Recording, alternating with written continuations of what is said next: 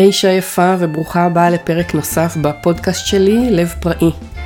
אני איילת רוזנפלד ואני פה עבור כל הנשים שהולכות אחרי הלב שלהן, או רוצות ללכת אחרי הלב שלהן, ואני שמחה לתת לך השראה, כלים ותובנות ושיתופים מהדרך שלי, וכמה שאני יכולה לחזק אותך בדרך שלך ללכת אחרי הלב.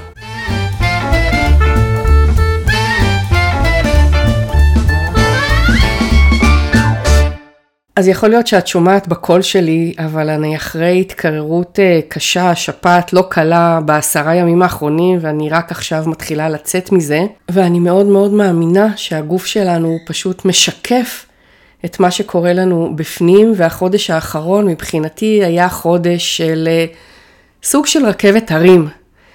ואני רוצה לשתף אותך, אני הרבה זמן לא הקלטתי פה פודקאסט ופרק, כי באמת החודש האחרון היה חודש אה, מלא ועמוס מבחינתי, כולל החגים, ו...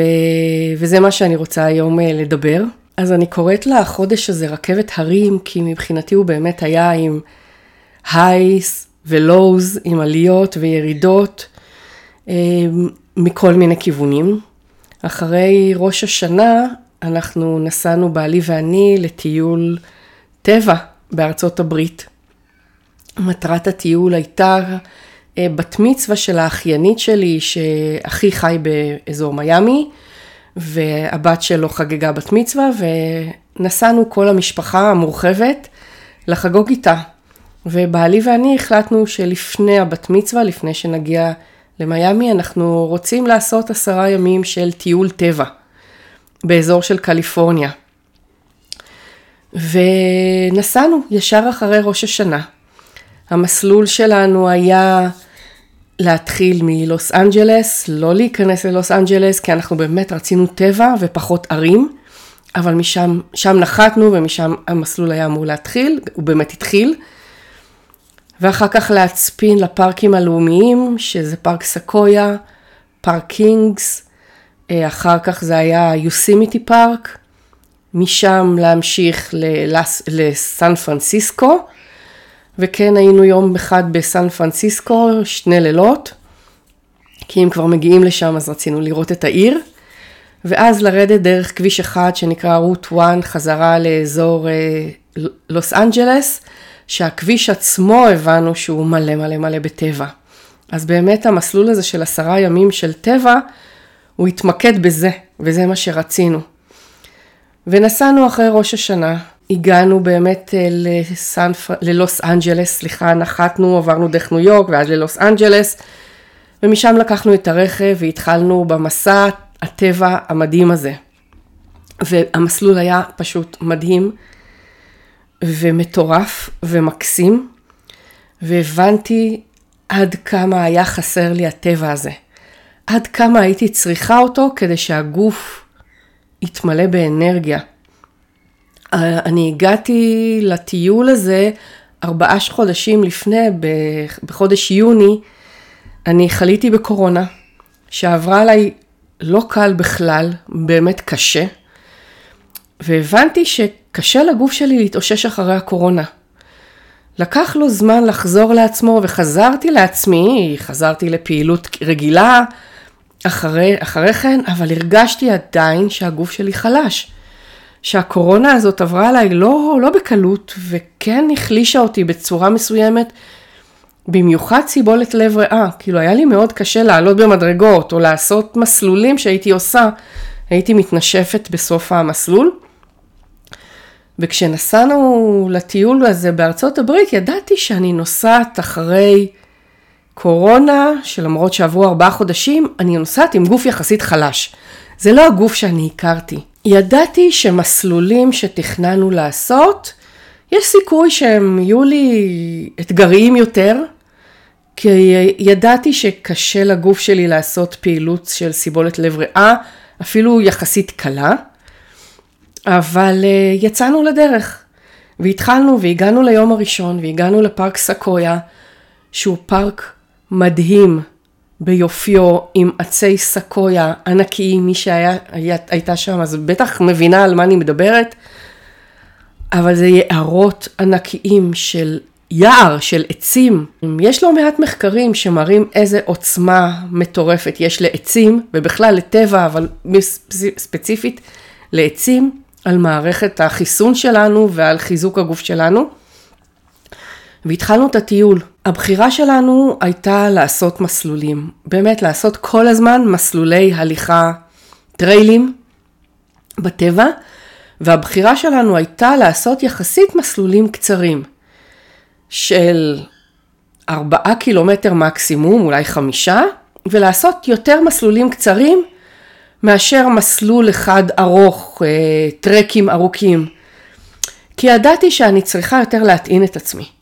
ידעתי שאני רוצה את המסלולים הקצרים האלה, שאני יודעת שהנה, אני מתחילה וזה עוד מעט מסתיים, ואם אני רוצה אני יכולה לעצור רגע ולנוח בדרך, ו- וזאת הייתה הבחירה שלנו. ולשמחתי בעלי זרם איתי, ובאמת עשינו את המסלולים הקצרים האלה שהם בתוך היער המטורף הזה, ואני חושבת שרק השהות שם של להיות מוקפת בעצים ובטבע ובצוקים ובסלעים, זה מה שבאמת חיזק וריפא את הגוף שלי. על היום הראשון התחלנו במסלול שהוא לא ארוך, אבל הוא מסלול קשה. זה לטפס לצוק שנקרא מורורוק, שהטיפוס אליו כולל מדרגות, המון, לא יודעת כמה מאות מדרגות זה היה, ולהגיע לצוק למעלה כדי לראות את הנוף. ויש סרטון של בעלי שהסריט אותי כשאני עולה, והתנשפתי והיה לי קשה, וזה היה רק היום הראשון שהתחלנו לעשות בכלל את ההליכות. ועל היום הראשון את המסלול עלייה הזה הקשה, והרגשתי שקשה לי, וקשה לי לגוף, וקשה לגוף, ואני מתנשפת ועולה. זה היה שווה כל רגע, והגעתי לשם, וזה היה נוף מדהים, ומדהים פשוט, אבל זה היה לי קשה. היה קשה לגוף, והמשכתי, המשכנו את הטיול, והמשכנו עוד מסלולים, וכל יום עשינו מסלולים מהבוקר מוקדם עד הערב, עד לפני שהחשיך, לא רצינו לעשות מסלולים בחושך, אז עד ממש לפני שהחשיך, ולא הפסקנו ללכת. בימים הראשונים גם היינו עם ג'טלג, אז אה, היינו מתעוררים בשתיים לפנות בוקר, ומוצאים את עצמנו כבר בשעה שש הולכים לאכול ארוחת בוקר ויוצאים כבר לפארק. אז אלה היו באמת ימים ארוכים מבחינתנו. וככל שהמשכנו ללכת, ככל שהמשכתי ללכת, מספר הצעדים היה הרבה צעדים ביום, לא כמו שאני עושה פה כשאני נמצאת ביומיום ובשגרה. ולאט לאט, מיום ליום, הרגשתי שהגוף מתחזק. ולקראת uh, המשך הטיול, עם סוף הטיול, פתאום הרגשתי ש... שזהו, הגוף שחזק, מעבר לטבע שהקיף אותי, והעצים, והסלעים, והצוקים, והאוקיינוס, וה... והאגמים, והנחלים, והצמחים, ובעלי החיים, מעבר לטבע שנתן לי המון אנרגיה, גם עצם ההליכה. ההליכה והיציאה מהשגרה, זה ממש חיזק, והרגשתי שלקראת סוף הטיול אני מגיעה כבר לגוף חזק, מלא אנרגיה, שמה זה בשבילי עכשיו לעשות עליות וצוקים ו... וטיפוסים ומסלולים ורכיבה על אופניים, וזה היה ממש כיף לראות את זה. מעבר לטיולים שלנו, אז אחד הדברים שקרו זה יציאה לגמרי מהשגרה, ויציאה מהתנתקות מכל דבר ש... שהוא הטכנולוגי, אפשר להגיד.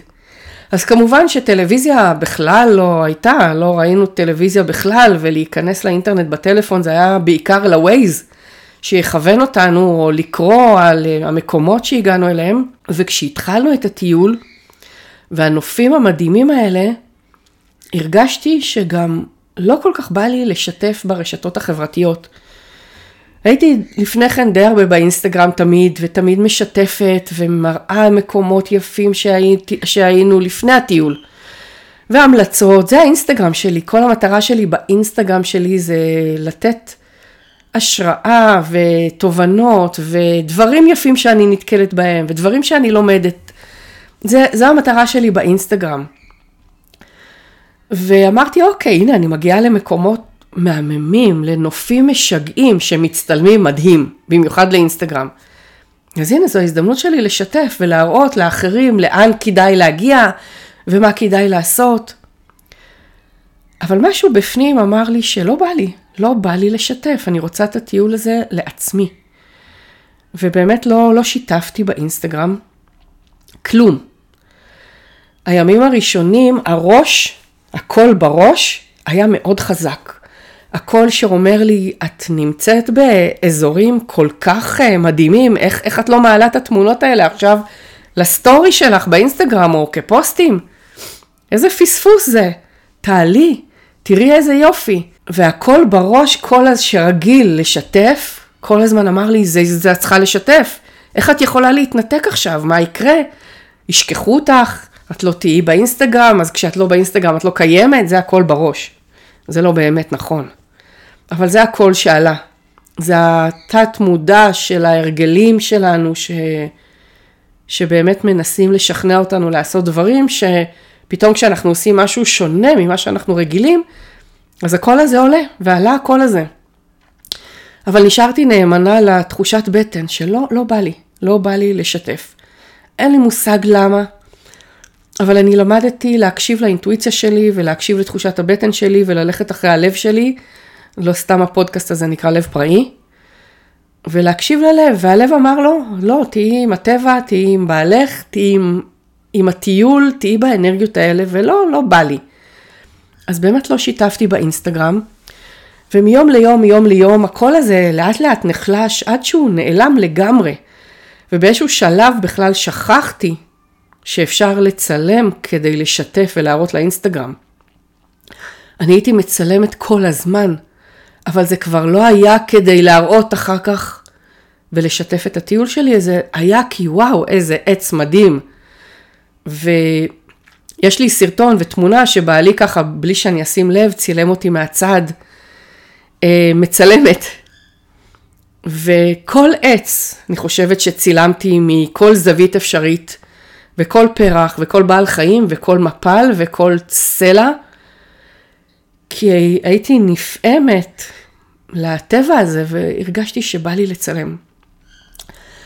אז זרמתי עם, ה... זרמתי עם האינסטגרם, ולא שיתפתי באינסטגרם כל התקופה הזאת, אז זה אומר שלגמרי שיניתי את, את, את מה שהייתי רגילה, את, את ההתנהלות היומיומית שלי. בלי טכנולוגיה, בלי שיתופים, בלי רשתות חברתיות, בקשר רק עם המשפחה שנמצאת פה והגיעה גם הברית, לא איתנו לטיול, אבל למקומות אחרים שהם טיילו. אבל זהו, כל כולי הייתי בטיול וכל המחשבות גם היו מחשבות של אוקיי, לאן עכשיו הולכים ואיזה trail נעשה עכשיו ומה בא לנו מחר לעשות ואיפה נאכל. אחד הדברים שעשינו זה גם לאכול בטבע, אז להצטייד מראש ולהבין מה לקנות ואיזה, לא היה לנו מקרר, לא בכל המלונות שהיינו היה לנו מקרר, אז היינו צריכים לקנות אוכל שלא צריך מקרר, אבל בכל זאת היה חשוב לי לשמור על, ה, על האוכל שאני יודעת שעושה טוב לגוף שלי, על התזונה שאני מאמינה בה. אז מצאנו את הדברים האלה שלא צריכים מקרר וכן נותנים הרבה ערך תזונתי לגוף וכן נותנים הרבה נוגדי חמצון לגוף. ובאמת את הארוחות שלנו היינו עושים בטבע. מוצאים גזע עץ ופורסים עליו את הקופסאות שימורים הם היו, או ירקות שלמים שקנינו, או פירות שלמים. פורסים את זה ופשוט אה, אוכלים. וזה היה עונג צרוף, באמת, אני, זה עשה לי כל כך טוב. הרגשתי שההליכה והצעדים והטיפוסים והטבע והרוחות בטבע, זה פשוט עשה לי איזשהו זיקוק לדברים שהייתי צריכה לשחרר, שירדו ונעלמו, וכל מה שנשאר לי זה הרבה אנרגיה בתוכי. וחזרנו לארץ, אחרי שסיימנו את הטיול של העשרה ימים, נסענו, טסנו לאזור מיאמי, ושם באמת חגגנו את האירוע המשפחתי שהיה פשוט כיף ומדהים, ועונג להיות עם המשפחה ולחגוג, זה היה פשוט עונג. וחזרנו לארץ אחרי טיול של יותר משבועיים בסך הכל, כמעט שלושה שבועות של טיול, והיה לי קשה לחזור, היה לי קשה. הרגשתי שלא מיציתי לגמרי את הטיול, הרגשתי שזה עשה לי מעולה, אבל... איך עכשיו אני משאירה את האנרגיה הזאת בשגרה היומיומית? כי היא שונה לגמרי השגרה היומיומית. אני מול המחשב ויש לי עסק. ומה אני עושה עכשיו? אני כן רוצה להשאיר את הטבע בחיים שלי, כי הוא עשה לי טוב כל כך. אבל אין לי כל כך מושג איך. אז זה כן לצאת להליכות מדי יום, אבל זה לא באמת להיות בטבע, כי אני גם גרה במרכז עיר, ירושלים. אז זה לא שאני מוקפת באותו טבע שהייתי שם, והיה לי מאוד קשה לחזור. היה לי מאוד קשה לחזור. גם חזרתי לבלבול, אני יצאתי מראש עם בלבול בראש. כי אני בהרבה שינויים כרגע מבחינת העסק ומבחינת, אה, כן, העסק. הרבה אי בהירות שאני יודעת בערך לאן אני רוצה ללכת, אבל לא ממש, אני לא באמת רואה את ההמשך. אה, אני כן, כן יש איזשהו ערפל וזה טבעי כי אני בונה משהו חדש, משהו שלא עשיתי עד היום ומשהו שלא עשו אחרים עד היום, אז ברור שיש איזושהי חוסר בהירות, כי זה לא משהו שנעשה, זה משהו חדש שאני בונה, אז יצאתי עם סוג של ערפל וחוסר בהירות, אבל לא חשבתי עליו במהלך כל הטיול, כי התמקדתי בדברים אחרים. אני זוכרת שלטיסה, זו טיסה מאוד ארוכה, קודם כל ישראל עד ניו יורק זה 11 שעות טיסה, ואז אחר כך בשדה התעופה, וטיסת המשך ל... ללוס אנג'לס, זה עוד כמה שעות בשדה ועוד חמש שעות טיסה, המון שעות טיסה, ואמרתי, וואו, יש לי מלא שעות טיסה, אז אני אקח איתי חומרים, אני בונה קורס חדש, ויש לי הרבה דברים להבין ולבנות אותו, אז אני אקח איתי את החומרים, ובמהלך הטיסה אני אשב על זה, יהיה לי זמן. אבל איך שעליתי לטיסה הבנתי שאני לא מסוגלת ואני לא רוצה ולא עשיתי כלום. לא כל כך ישנתי במהלך השעות האלו הארוכות של הטיסה, אבל לא עשיתי כלום. זה נשאר בתיק, כל מה שלקחתי, החזרתי אותו ככה לארץ. זאת אומרת, לא יכולתי לעשות כלום מבחינת העסק או כמה שרציתי ותכננתי לעשות בטיסה, לא התחשק לי. ושוב, אני, אני מאוד מקשיבה למה בא לי. אז זרמתי עם זה, ובמהלך הטיול החוסר בהירות הזה שיצאתי איתו לטיול לא היה כי לא חשבתי על הדברים האלה, כל מה שחשבתי עליהם זה לאן לטייל ואיך לצלם ואיך ליהנות ומה לאכול. אז כשחזרתי לארץ, החוסר בהירות פתאום חזר, אוקיי, אני חוזרת לשגרה. אז מה עכשיו אני עושה? אני רוצה כל כך להכניס את הטבע שוב לחיים שלי ביומיום, אין לי כל כך מושג איך. יש המון אופציות, אני יודעת, אבל עוד לא מצאתי את האופציה שנכונה לי, ממש. ומה אני עושה עכשיו עם העסק? אני בונה אותו בדיוק, אני... אוקיי, עוד פעם החוסר בהירות התחיל, אז כל המחשבות שהיו לפני הטיול פתאום עלו שוב וצפו. ולא היה לי פשוט לחזור לטיול, לא היה לי פשוט לחזור לשגרה, סליחה. לא היה לי פשוט לחזור לשגרה שלי. ואז אחרי כמה ימים, הגוף שלי התחיל לדבר. והתחלתי להרגיש את הגרון שלי. דבר ראשון את הגרון שלי. וכשהגוף שלי מתחיל לדבר, אני מנסה להבין, אוקיי, מה לואיז היי הייתה אומרת על, אה, על הגרון, על הדברים בגוף, איך הם מתחברים לחלק הרגשי. הרי הגוף שלנו ממש משקף את מה שקורה לנו בפנים. אז אוקיי, מה הגרון שלי מנסה להגיד? והגרון שלי זה גם הצ'קרה של הגרון, זה השיתוף, לשתף את העולם, לשתף אחרים, לדבר, זה השיתוף. וכמו שסיפרתי לכם, אני התנתקתי לחלוטין מלשתף את המסע שלי, לא, אפילו, לא רק ברשתות החברתיות, אפילו חברות, לא באמת שיתפתי, כי מאוד הייתי אני בתוך עצמי עם המסע ועם בעלי, וזהו. ואז אמרתי, אוקיי, הגרון מנסה להגיד לי משהו, אני כן כנראה רוצה להתחיל לשתף במה עשיתי ומה עברתי, אבל אני רוצה למצוא גם את הדרך שלי, איך נכון לי לשתף. ואז הגרון באמת אה, התחיל, שהפך אחרי כמה ימים להיות אה, שפעת חזקה עם חום, ו... והקול שלי נעלם באיזשהו שלב, לא יכולתי לדבר. בדיוק באותו יום העברתי סיור לסטודנטים שלי מווינגייט, עשיתי להם סיור בשוק מחנה יהודה בירושלים, והגעתי לסיור בלי קול. הם היו פשוט הסטודנטים הכי מדהימים בעולם. והם כל כך עזרו לי עם הכל, אבל הגעתי בלי קול, זה עוד היה לפני שהגוף הפך את זה לשפעת קשה. הגעתי בלי קול, אחרי שהבנתי שכן, אני כן רוצה לשתף את העולם, אבל אני רוצה למצוא את הדרך שלי. וכל המחשבות בראש של אוקיי, מה אני, מה אני רוצה לעשות, ואין לי ממש מושג לאן אני הולכת, כל החוסר בהירות הזה גם גרם לי לא ממש לשתף אתכם, את הקהל שלי, את התפוצה שלי, את העוקבים שעוקבים אחריי, והקול שלי פשוט נעלם. נעלם. והבנתי שכן, אני כן רוצה לחזור לשיתוף, הנה, אני, הנה, אני עושה פרק פודקאסט שבו אני משתפת את הכל, אבל הבנתי שכן אני רוצה לחזור לשתף. ולמצוא את, את, ה, את הקול שלי בדרך הזאת. ואם אני מסתכלת על מה שלואיז היי כותבת בספר שלה, אתה יכול לרפא את חייך, שאני הספר הכי מדהים שיש, שאני ממש כל הזמן חוזרת אליו, אז היא כותבת uh, ככה, הגרון מייצג את יכולתנו לדבר בשם עצמנו, לבקש את, את אשר אנו רוצים, לומר הנני, וכך הלאה. כאשר אנו סובלים מבעיות גרון, פירוש הדבר בדרך כלל כי אנו חשים שאין לנו זכות לעשות דברים אלה. אנו חשים כי אין בנו היכולת לעמוד על זכויותינו. כאבי גרון מורים תמיד על כעס. היא מעורבת בכך גם הצטננות, שזה מה שהיה לי. פירוש הדבר כי אנחנו גם סובלים מבלבול נפשי. אובדן קול מורה בדרך כלל כי אתה כה כועס עד כי איבדת את היכולת לדבר. הגרון מייצג גם את הזרימה היצירתית בגוף, וזהו המקום שבו אנו מבטאים את היצירתיות שלנו.